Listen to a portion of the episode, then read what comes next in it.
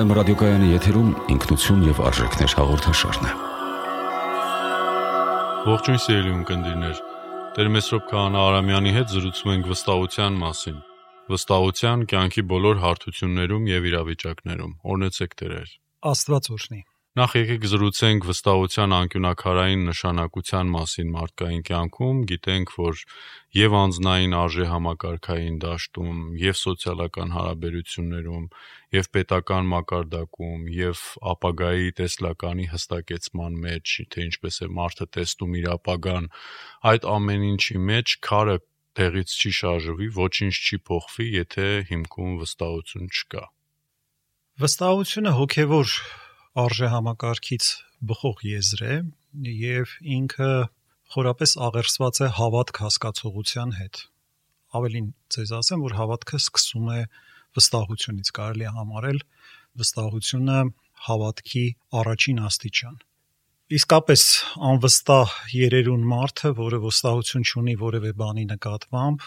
ինքը դժվար թե կարողանա տեղից շարժվել, ավելին կարող է լրիվ մտնել հոգեբանական փակուղու մեջ Այսինքն ինչ որ բաների մենք պետք է անպայման վստահենք, բայց դա չի նշանակում, որ ամեն բանի մենք պետք է վստահենք։ Օրինակ ճարիքին վստահել պետք չի։ Այսինքն վստահելու համար մենք տեսնում ենք արդեն կա բարիքի եւ ճարիքի հասկացողություն։ Մենք ընտրություն պիտի կատարենք վստահելուց առաջ, որովհետեւ վստահելու համար կամք է նաեւ պետք թուլակամորեն չես կարող վստահել, այսինքն վստահել ինչ որ մի բանի կամ ինչ որ մեկի չի նշանակում քեզ ընդհանրապես պատասխանատվությունից անջատել։ Դա շատ ավելի պատասխանատու վիճակ է, դա պայքար մղելու վիճակ է, ճիքեր գործադրելու վիճակ է եւ այլն։ Որտեղ գիտեք, կա նաեւ հավատքի շատ սպեկուլյատիվ ընկալումներ, որ օրինակ մենք հավատքով փրկված ենք, եւ վերջ ես հավատացի, ընդունեցի, որ Աստված կա եւ դրանով ամեն բան վերջացավ շատ հաճախ Պողոս Արաքյալի խոսքերը սխալ են մեկնաբանվել եւ ստեղծել են այդպիսի սպեկուլյատիվ ընկալումներ հավատքի մասին։ Նույնը կարելի ասել վստահության վերաբերյալ։ Այսինքն դա պատասխանատու վիճակ է, դա գիտակցված վիճակ է եւ անպայման վստահության համար պետք է խոհեմություն, այսինքն զանազանելու, չարը բարուց զատորոշելու այդպիսի մի կարողություն է պետք առանց դրա հնարավոր չէ վստահությունը ճիշտ ձևով գործածել։ Դուք ձեր խոսքում էլ որպես հոմանիշ եք կիրառում հավատ եւ վստահություն բառերը եւ իրականում դրանք շատ էլ մոտ են իրենց ունիմաստներով։ Գիտենք, որ ինչպես եւ վստահությունը հավատել է անհրաժեշտ եւ մարդ Աստված եւ մարդ մարդ հարաբերությունների մեջ հավատը նաեւ գիտական կատեգորիա է գիտության փիլիսոփայության մեջ էլ հավատը հիմնակարային նշանակություն ունի հենց Արիստոտելն է ասել որ անկախ փաստակների ամրությունից, անկախ ապացույցի երկարությունից, եթե մենք դրա վերջում չենք հավատում այդ ապացույցին, ուրեմն դա մեզ համար արժեք չունի։ Հավատը ճանաչողության ճանապարհ է, ինքը պարզապես ինչ որ մի բան ընդունել կամ չընդունելը չէ։ Հավատով մենք ճանաչում ենք, ճանաչողության process է։ Ավելին ձեզ ասեմ, եթե մենք չհավատանք, որ ճանաչողությամբ մենք հասնելու ենք նպատակակետին, ապա ոչ մի բան չի ստացվի մենք որոշակի դրույթներ ենք ընդունում, որոշակի աքսիոմաներ ենք ընդունում, որոշակի այսինքն բազիսային հիմք ունենք մտածելակերպի, բայց հավատում ենք, որ մտածողության միջոցով մենք ճիշտ ելակետերի վրա ենք դուրս գալու։ Եթե չհավատանք, մենք ընդհանրապես այդ մտածողության դժվարին ճամփան չենք բռնի։ Այսինքն հավատը ճանաչողության բաղկացուցիչ մասն է եւ նույնիսկ եկեղեցու հայրերը գործածում են հավատի ճանաչողություն արտահայտությունը, այսինքն հոգեվոր դա ճանաչողության տեսակ է, որը շատ ավելի բարձր ճանաչողություն է համարվում, քան զուտ ռացիոնալ ճանաչողության ճանապարհը։ Ճանաչողությունը նաև կարիք ունի ինտուիցիայի, հազար ու մի բաների կարիք ունի, այսինքն դա չի սահմանափակվում միայն տրամաբանական դատողություններով։ Ճանաչողության համար քեզ լույս է պետք, այլապես դու խավարում կխարխափես հազարավոր ճանապարհներից որ ճանապարհը պիտի ընտրես A կետից B կետը հասնելու համար։ Այդտեղ լուսավորություն է պետք, հա, հավատքը տալիս է այդ լույսը, մտածողության լույսը եւ Սուրբ Գրիգոր Լուսավորիչը հենց այդպես էլ ասում է իր հաճախապատում ճառերում. հավատքը մտքի լույսն է։ Այսինքն մեզ պետք է լույս, որպեսզի մենք մեր մտածողությունը ճիշտ կարգավորենք։ Եթե խոսենք վստահության մակարդակների մասին, առաջին շեմը բնականաբար ինքնավստահությունն է, որտեվ եթե ես չսկսեմ իմ անձից, ինքս ինձ չվերլուծեմ, ինձ չհասկանամ, իմ ներքին ուժերն ու շարժիչ ուղությունները չպատկերացնեմ, ես չեմ կարողանա նաև վստահել շրջակա աշխարհին, եւ այստեղ երկու ծայրահեղորեն տարբեր ընկալումներ կան։ Առաջինը բնականաբար սեփական ուժերի հանդեպ վստահությունն ու խիզախությունն է, որը դրական երևույթ է եւ պետք է որ մարդը դա ունենա։ Իսկ մյուս կողմից էլ վտանգ կա, որ մարդը կընկնի ինքնախապեյության, ինքնասիրահարվածության մեջ, կարծելով, որ միայն ինքն է վստահության արժանի եւ իրենից են բխում բոլոր կարևոր երևույթները այս աշխարհում եւ ամեն ինչ կառուցվում է իր ու իր արժեհամակարգի վրա Գիտենք, որ գրականության, փիլիսոփայական աշխատությունների մեջ էլ կա երկու խումբ նման գրվածքների, օրինակ Ralph Waldo Emerson-ը ունի իր հայտնի ինքնավստահություն էսսեն, հրաշալի ստեղծագործություն է, թույլ է տալիս մարդուն նույնիսկ ամենախորին հուսահատությունից դուրս հանել, մատնացույց է անում մարդու միջի աստվածային մասնիկին, թե ինչ անսպառ աղբյուր կարող է բխել մարդու միջից, եթե նա վստահի իր ներսի այդ դրական կողմին եւ դրա վրա հենվելով իր կյանքը կառուցի, բայց մյուս կողմից էլ կա ամեն բան աշխարհում Աստված, արժեքներ, բարոյականություն, խարխլող տեսություն, նման ջատագովներ շատ կան աշխարհիկ բարոյականության եւ արժե համակարգի, ովքեր ասում են, որ մենք ոչնչի կարիք էլ չունենք ոչ Աստծո, ոչ բարոյականության, Նիցշեի խոսքով գեր մարդ է մարդը եւ բարոյականությունն էլ եւ մնացած բոլոր արժեքներն էլ կարելի է բխեցնել մարդուց։ Շատ լավ հարցադրում է։ Պետք է նկատի ունենալ, որ այդ արտահայտությունները ինքդ քեզ վստահիր եւ այդ ինքնավստահության մեկնաբանություններ դու ամեն ինչ կարող ես, կարող ես ամեն բանի հասնել եւ այլն։ Դրանք այսօր շատ են դրվում շրջանառության մեջ եւ կարելի ասել մեծ խապկանքների եւ մեծ մոլորությունների առիթ են հանդիսանում։ Եթե մենք գործածում ենք ինքնավստահություն եզրը, պետք է շատ զգուշ լինենք, որպեսզի հասկանանք, թե այդ ինքնավստահության հիմքում ինչ է դրված։ Եթե այդ ինքնավստահության հիմքում դրված է Աստծո պատկերը եւ նմանությունը Աստծո զավակ լինելը կամ ինչպես Պողոս Արաքյալն է ասում ոչ թե ես այլ Քրիստոսն իմ մեջ այս տիպի ինքնավստահությունը լիովին արդարացված է բայց եթե մենք կտրում ենք Աստծուց, այսինքն հավատքի աղբյուրից, հում վստահության աղբյուրից կտրում ենք Աստծուց այս ինքնավստահություն հասկացողությունը, ինքը կարող է դառնալ շատ վտանգավոր մեզ համար որովհետև դա նշանակում է, որ ինքնավստահ մարդը պետք է իր վրա հույսը դնի եւ ինքն իրեն վստահի։ Որը խորապես հակասում է հույսի եւ վստահության աստվածաշնչյան ըմբռնումներին։ Ասեմ ինչու։ Ինչպես մենք կարող ենք դառնալ մեզ համար վստահության աղբյուր, երբ ամենաշատը մենք ենք մեզ խափում։ Ավելի շատ քան ուրիշները։ Երբ ամենաշատը մենք ենք մեզ դավաճանում։ Ամեն մարդ, որ ունի հոգևոր գիտակցություն, որ ինքն իրեն վերլուծի, հասկանա ինչպես կարող է ինքը իրեն այդ տեսանկյունից վստահել, այսինքն դարձնել վստահության հիմք, հավատքի հիմք իր եսը։ Դա տանում է եսապաշտության, դա տանում է այլ շեղումների, պետք է շատ զգուշ լինենք, որտեղ պետք է վստահել Աստծուն, պետք է վստահել ճշմարտությանը, պետք է վստահել հավիտենական եւ մնայուն անփոփոխ բաների, փոփոխական բաների հետ հույս կապելը մի քիչ վտանգավոր է մարդու համար։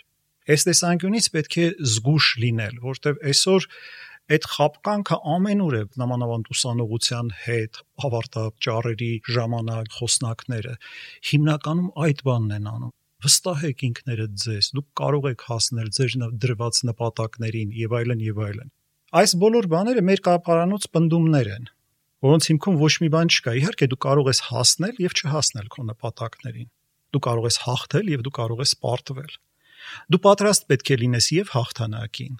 եւ բարդությանը դու պատրաստ պետք է լինես եւ հաջողությանը եւ անհաջողությանը տեսեք երբ մենք եկեղեցում խրատ ենք տալիս նորապսակներին ինչի մասին ենք խոսում խրատի ժամանակ անմիջապես սկսում ենք խոսել փորձություններից որ տեսեք որթիակներ տեսակ տեսակ փորձություններ կան աշխարհում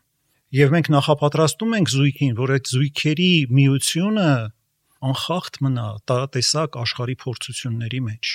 աշխարհը միայն հաջողություններից չի բաղկացած, այս աշխարհում կա տարապանք, կա ցավ եւ այդ ամեն ինչի միջով մարդը անցնում է։ Եվ այդ ամենը մարդկային են,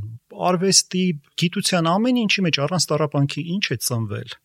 Դա բավականին լուրջ տարապանք եւ չարչարանք է պետք է հասկանանք, որ մենք պետք է դիմանանք դժվարությունների, մենք պետք է առաջ շարժվենք։ Եվ եթե մենք պարզապես մեր հույսը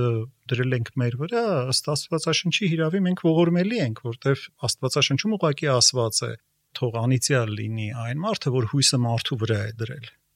Սա շատ կարևոր է, որտեվ մարդը փոփոխական է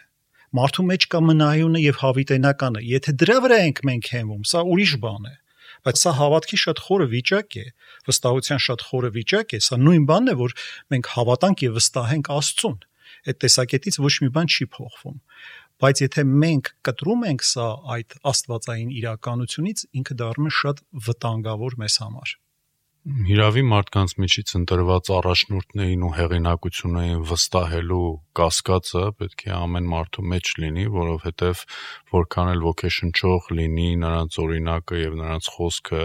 որը մեզ կդրտի հետևելու, սակայն վերջիվերջո մարդը բացարձակ էակ չէ, միշտ սայթակելու, սխալ ընթացք ընտրելու վտանգը կա եւ այդպես առաջնորդը կարող է իր հետևից մի ողջ բազմություն կործանման առաջնորդել Ձեր խոսքում հիշատակեցիք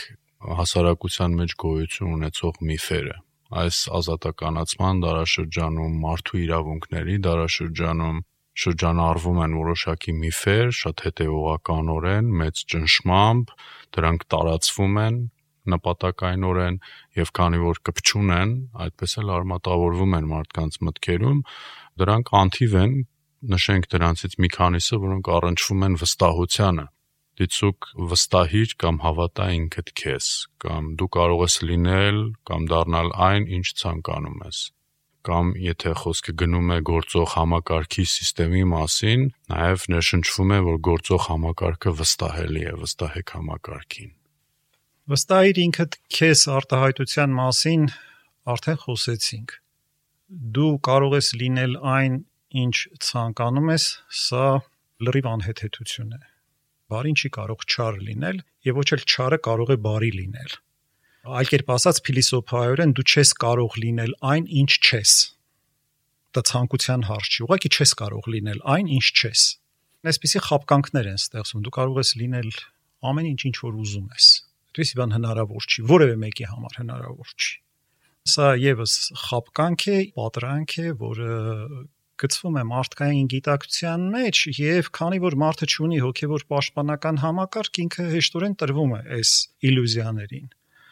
Սա չի նշանակում, որ մենք նպատակներ չպիտի ունենանք։ Մենք պետք է իհարկե ունենանք նպատակներ, բայց պետք է հասկանալ, որ այդ նպատակներին հասնելու համար մեզ պետք են լուրջ բարոյական հիմքեր։ Շատ դժվար է հասնել նպատակներիդ, եթե դու նամանավանդ երկարատև նպատակների, եթե դու ճունես բարոյական հիմք։ Սրա մասին խոսում է եւ կրոնը, եւ փիլիսոփաները, հին հունական փիլիսոփաները, օրինակ Արիստոտելը, Պլատոնը դրա մասին են խոսում, որ առանց առաքինությունների չկա հաջողություն, հնարավոր չէ հաջողության հասնել, երկարատև հաջողության հասնել։ Կարճատև բաներ հնարավոր են բայց երբ վերլուծում ես այդ կարճատև հաջողությունները Եթե դրանք հիմնված չեն այդ առաքինությունների վրա, տեսնում ես, որ այդ հաջողության պատմությունները անհաջողության պատմություններ են իրականության մեջ։ Ժամանակի փոփոխության հետ այդ կարճատև հաջողությունը վերածվում է լիակատար անհաջողության եւ փորձանքի տվյալ մարդու համար, որը հոգեվոր հիմքի վրա չի կառուցում իր տոնը։ Կան նաև բազմաթիվ այլ խապկանքներ աշխարհում համակարգի հանդեպ վստահություն կամ օրենքների հանդեպ վստահություն, որ այդ օրենքները պիտի բարի գործածվեն, ինչը միշտ չի որ տեղի է ունենում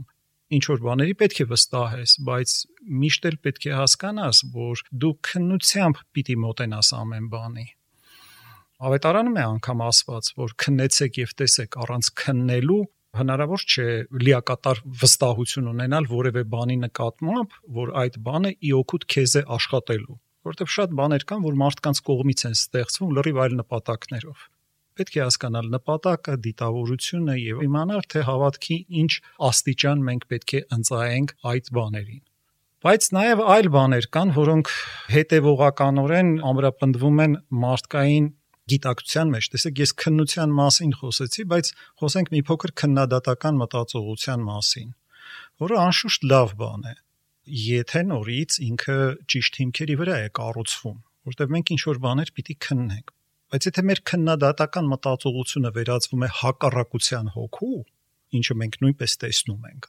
երբ այդ քննադատական մտածողությունը մեզ տանում է եսակենտրոնության, որ անպայման իմ կարծիքը պետք է առաջ մղեմ, անպայման ես, ես, ես, ես, դա վերածվում է հիվանդագին երևույթի։ Եվ այսօր կրթությունը ճանենալով բավարար բարոյական դաստիարակության գործիքակազմ, չպատկերացնելով մարդու իդեալը, մարդու մեջ նույնիսկ ճուզենալով, ես չեմ ասում, որ անպայման դա միտումնավոր է կատարում, ահավոր գրգռում է եսի վիճակներ, որը ի վերջո կարող է լուրջ հոգեբանական հետևանքներ ունենալ տվյալ անznավորության համար։ Կամ օրինակ քննադատական մտածողության դրսևորումներից մեկը՝ կրոնը շատ դոգմատիկ է։ Դոգմաների մի հավատացեք Այս ասելով նախ իրենք պատկերացում չունեն, որ կյանքի բոլոր ոլորտներում կան այդ դոգմաները, եւ իրենք ցանկացած ոլորտում դոգմաներ պիտի ընդունեն, այսինքն ինչ որ աքսիոմներ պիտի ընդունեն առաջ շարժվելու համար եւ դրանց հետ չպետք է վիճեն, կլինի գիտության մեջ, կյանքի ցանկացած ոլորտում։ Մենք նույնիսկ չեն պատկերացնում, որ հոգեվորի մեջ, այսինքն քրիստոնեության մեջ, այդ դոգմաները անհամեմատ ավելի քիչ են, քան կյանքի մնացած ոլորտներում բայց իրենք շատ դոգմատիկ կերպով ուզում են այդ դոգման մեր մեջ հաստատեն պնդում են, որ դոգմաներին մի հավատացեք։ Ես ուզում եմ հասկանալ այդ պնդումը որտեղից են իրենք վերցրել ով է ապացուցել այս պնդման իրականություն, երբ մենք տեսնում ենք կյանքում ամենուր դոգմաների արկայությունը կամ ազատության իդեալը, որը ազատությունը դարձնում է գերնպատակ մարդու համար։ Այսինքն մարդային կյանքի նպատակը դառնում է ազատությունը։ Նախ ազատությունը ինչի համար։ Այս հարցը մենք մեզ պետք է տանք։ Ազատությունը մեզ ուր է տանում։ Նպատակակետը ազատության ո՞րն է։ Ազատությունը նպատակ է, թե միջոց է ավելի բարձր նպատակի հասնելու համար։ Երբ որ ազատությունը դարձնում ենք ինքնանպատակ եւ աստվածացնում ենք այդ ազատությունը, թեպետ ազատությունը ունի աստվածային ցակում, արարչագործության մեջ դա աստծուց դրված կարևորագույն սկզբունք է, բայց այդ սկզբունքը դրված է Աստված ճանաչողության համար եւ ոչ թե այլ բանի համար, սանձարձակության կամ ամեն բանի մեջ ազատության համար։ Ազատությունը ունի վեկտոր։ Ինքը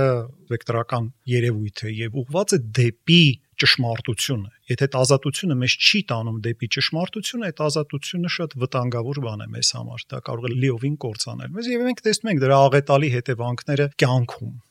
Օրինակ ասենք պացիֆիզմի քարոզը, որ ամեն գնով խաղաղություն, ամեն ինչում խաղաղություն, ամեն տեսակ խաղաղություն լավ բան է, ամեն տեսակ պատերազմ վատ բան է։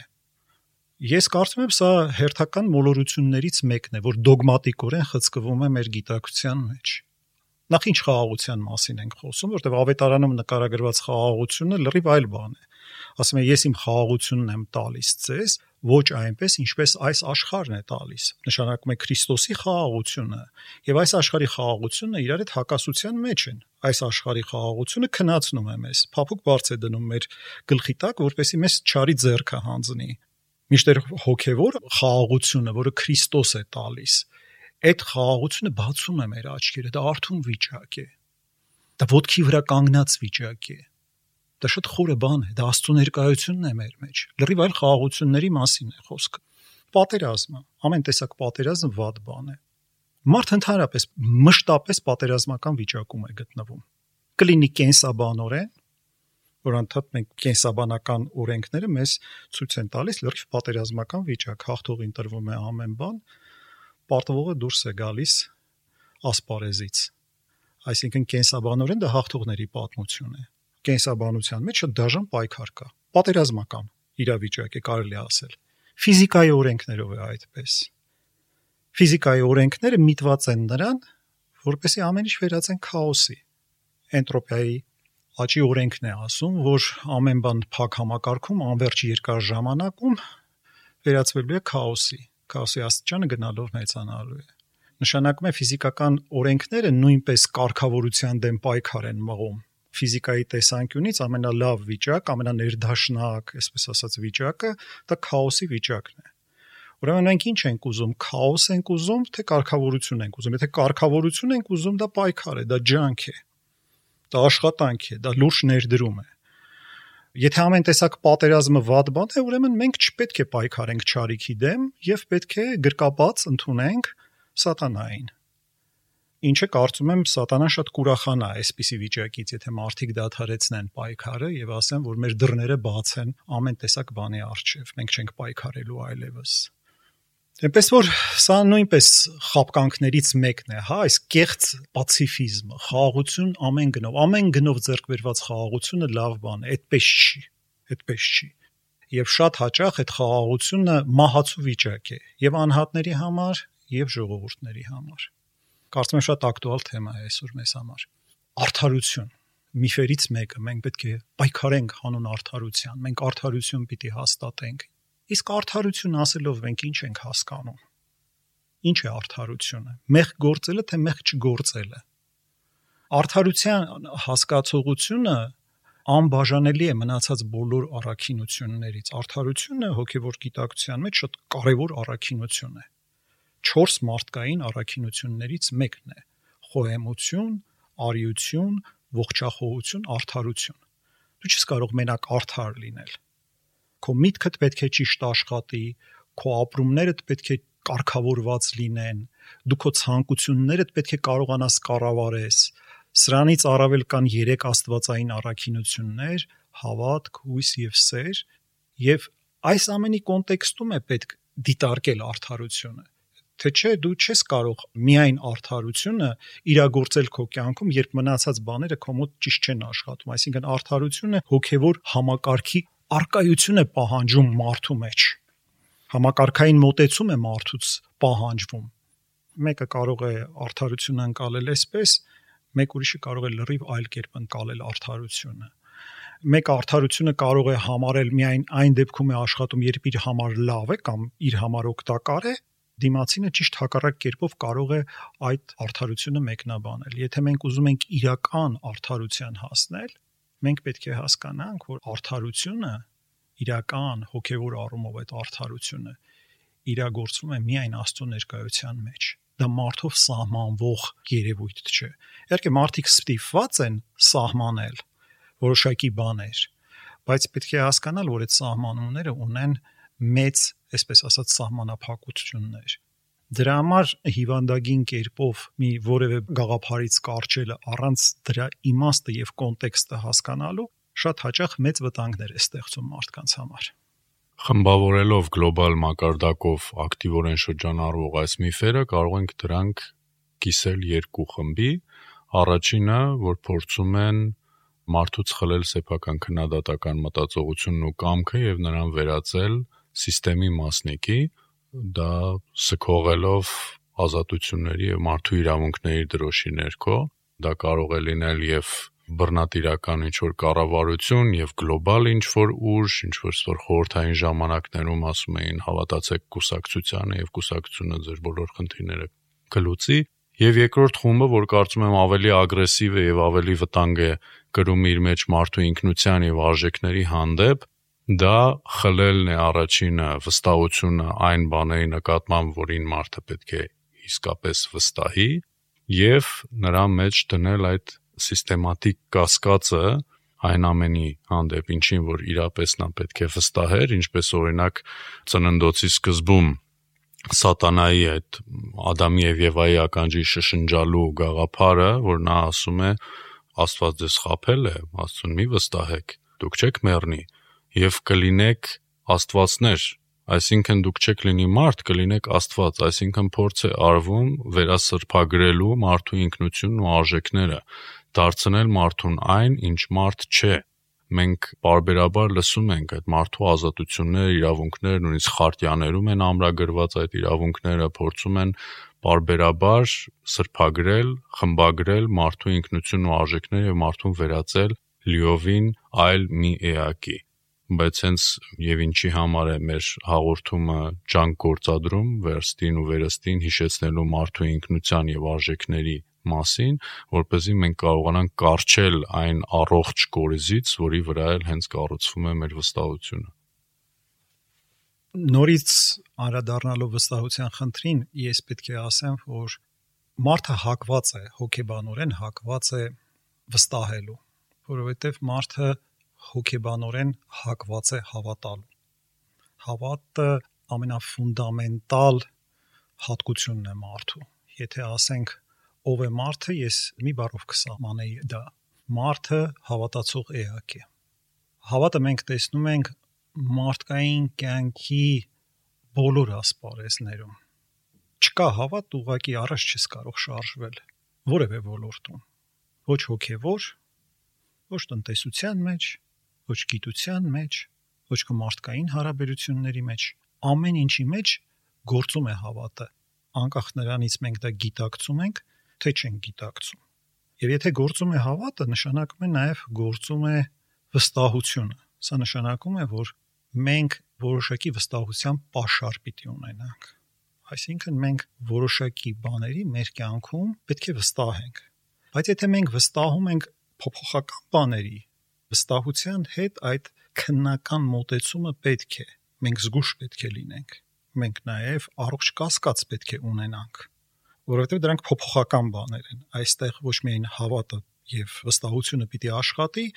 այստեղ նաև զգուշությունը եւ խորագիտությունը պետք է աշխատի։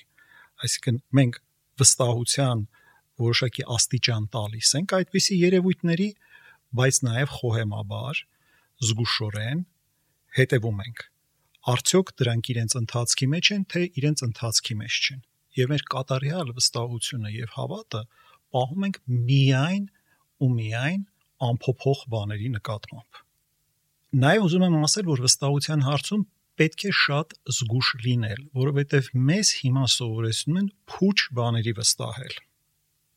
Դա անում են երբեմն առանց մտածելու, մտածելով որ լավ բան են անում, ողջևորում են մարդկանց, թեպետ ես համարում եմ, որ անպատասխանատու ողջևորելը մարդկանց շատ վատ բան է, որտեղ դու դրանից հետո տես չես կանգնելու այդ process-ին։ Եվ երբեմն միտումնավոր կերպով են անում, որովհետև մարդկանց գցում են զանազան կախումների մեջ։ Գովազդը ինչ է օրինակի համար։ Վստահություն ինչ որ բաների Այսինքն, երբ որ քեզ փորձում են միտումնավոր կերպով վստահ դարձնել ինչ որ բաների նկատմամբ, պետք է զգուշանաս, որտեվ հավանաբար քո վրա ուզում են ինչ որ մի բան վաճառել հավանաբար ինչ որ նպատակ ունեն կամ քեզ ուզում են ենթարկել կամ այլ նպատակներ ունեն դրած ոչ դրական նպատակներ պետք է զգուշ լինել եւ ամենևին չդառնալ խաղի առարկա կամ գործիք այս կամ այն ուժի կամ կողմի համար Ուրեմն պետք է այս ամենի նկատմամբ զգուշ լինել, նախ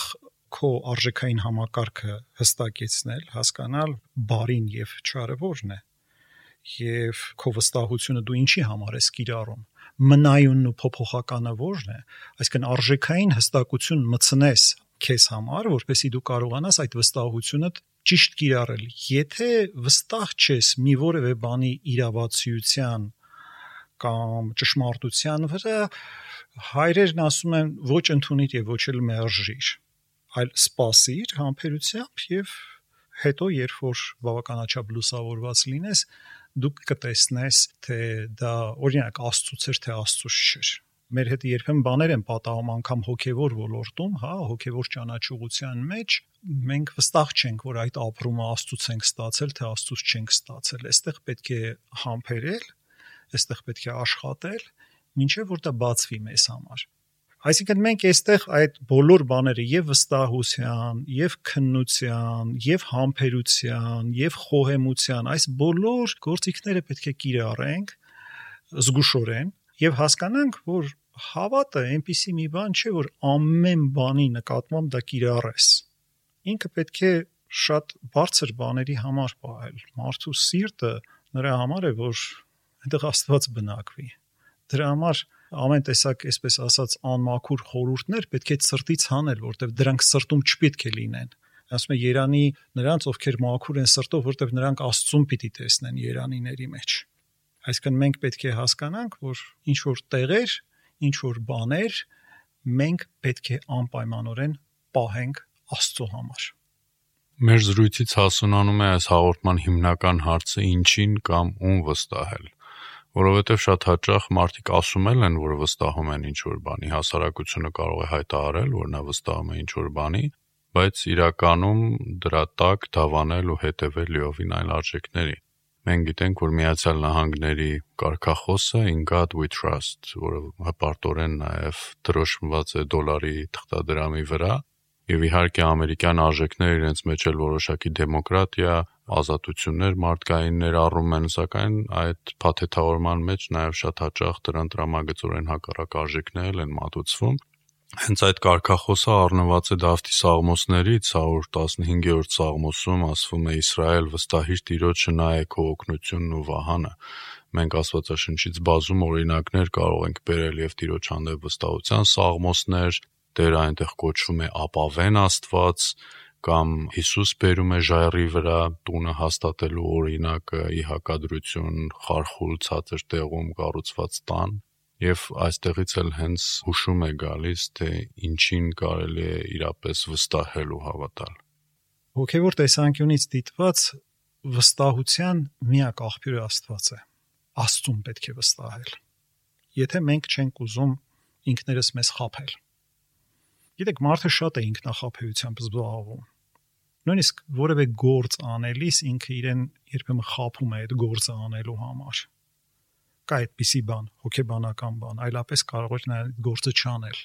Դա էլ է տեղի ունենում։ Եթե մենք չենք ուզում ընդհանրապես մեզ խափել եւ անկեղծ ենք ուզում լինել ինքներս մեզ հետ, մենք պետք է վստահենք Աստծուն։ Նախ պետք է վստահենք Աստծուն, որտեղ Աստված սիրում է մեզ եւ գիտի որն է լավը մեզ համար։ Աստված ոչ միայն սիրում է մեզ, Աստված փրկում է մեզ, ազատագրում է մեզ։ Այսինքն մենք ոչ թե parzapes վստահում ենք Աստծուն, որ ինքը կա, մենք վստահում ենք, որ ինքը լավագույնն է պատրաստել մեզ համար եւ ինքը մեր փրկիչն է։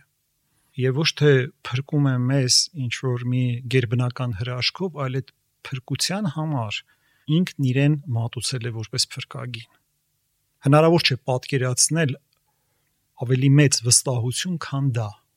այդ զոհաբերությամբ հաստատված վստահությունը։ Աստված իր վստահությունը հայտնել է մեզ իրեն լիովին զոհաբերելով մեզ համար։ Եվ այդ վստահությունը հիմնված է հենց աստվածային զոհաբերության վրա։ Ուրեմն կրոնի տեսանկյունից, հոգևոր տեսանկյունից սա աներկբա ճշմարտություն է, որովհետև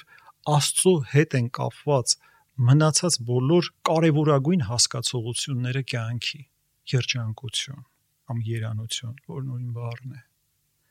Հետո Աստծո հետ լինելը երանական վիճակ է, խաղաղություն, շփոթենք այս աշխարհի խաղաղության հետ։ Դա լրիվ հոգևոր այլ ճանաչողական, այսպես կատարյալ վիճակ է։ Աստված լույս է, որ լուսավորում է մեր հոգիները։ Աստված ճշմարտությունն է։ Կճանաչեք ճշմարտությունը եւ ճշմարտությունը կազատի ձեզ։ Այդ ոչ թե այս աշխարհիկ ճշմարտությունների մասին է խոսքը, այլ Աստված ճանաչողության մասին է արդարությունը, որի մասին խոսեցինք, արդարությունը հենց ինքը Աստված է, արեգակ արդար կամ արդարության արեգակ։ Աղոթքներում մենք օգտագործում ենք այս արտահայտությունը։ Էնպես որ այս բոլոր խորքային հասկացողությունները կապված են Աստծո հետ։ Կյանքի մնացած ոլորտներում մենք տեսնում ենք դրանց ինչ որ հարաբերական լուծումներ, ինքնահակասող լուծումներ, Կյանքում մեկ արդարություն է, մեկ էլ արդարություն չէ։ Կյանքում մեկ խաղաղություն է, մեկ էլ խապկանք է, լրիվ ուրիշ բան է դառնում։ Հենց իջնում ենք հարաբերականության դաշտ, տեսնում ենք, որ այս հասկացողությունները երերում են։ Դառնում են ահավոր փոփոխական։ Դա նշանակում է ինչ, ես ոչ մի բանի վրա իմ կյանքը չպիտի կառուցեմ։ Որն է իմ կյանքի հիմքը, եթե բոլոր բաները սկսելու են երերալ։ Ինչի վրա ես իմ կյանքը պետք է կառուցեմ։ Մոտենալով Աստծուն մենք տեսնում ենք այս գաղափարների, այս հասկացողությունների հստակություն եւ սա եւս մեկ անգամ մեզ ասում է, որ Աստծո մեջ է հանգուցալուծումը բոլոր բարձրագույն բաների, բոլոր լավագույն բաների եւ բոլոր բարիքների հանգուցալուծումը Աստծո մեջ է։ Եվ դա միակ բանն է, որին մենք կարող ենք լիովին վստահել։ Շնորհակալ եմ զրույցի համար Տեր հայր, մենք կարողացանք հստակեցնել այն կետերը, որտեղ մենք կարող ենք վստահել, իսկ վստահությունը կենսականորեն անհրաժեշտ է, մարդը չի կարող կրիայի պես փակվել իր պատյանում եւ Աստծո աշխարհի կամ շրջակա մարդկանց հետ ընդհանրապես հաղորդության մեջ չլինել, բայց վստահելով հանդերձ մեր հորդորն է, որպեսզի քննեք այն ամենը, ինչին վստահում եք, լինի դա քրիստոնեական արժեք, լինի համամարտկային արժեք, եւ քննելով դուք վստահաբար կարող եք ընտրել այն տեղը, այն հիմքը, որի վրա կկառուցեք ձեր արժե համակարգը եւ ձեր կյանքը, եւ թույլ մի տվեք աշխարհին, որպեսզի նա ձեզ մատուցելով որոշ կեղծ արժեքներ շահարկի ձեր վստահությունը եւ դրանով ձեզ խայծ մատուցի ճշմարիտ արժեքի փոխարեն։ Մնացեք բարյավ։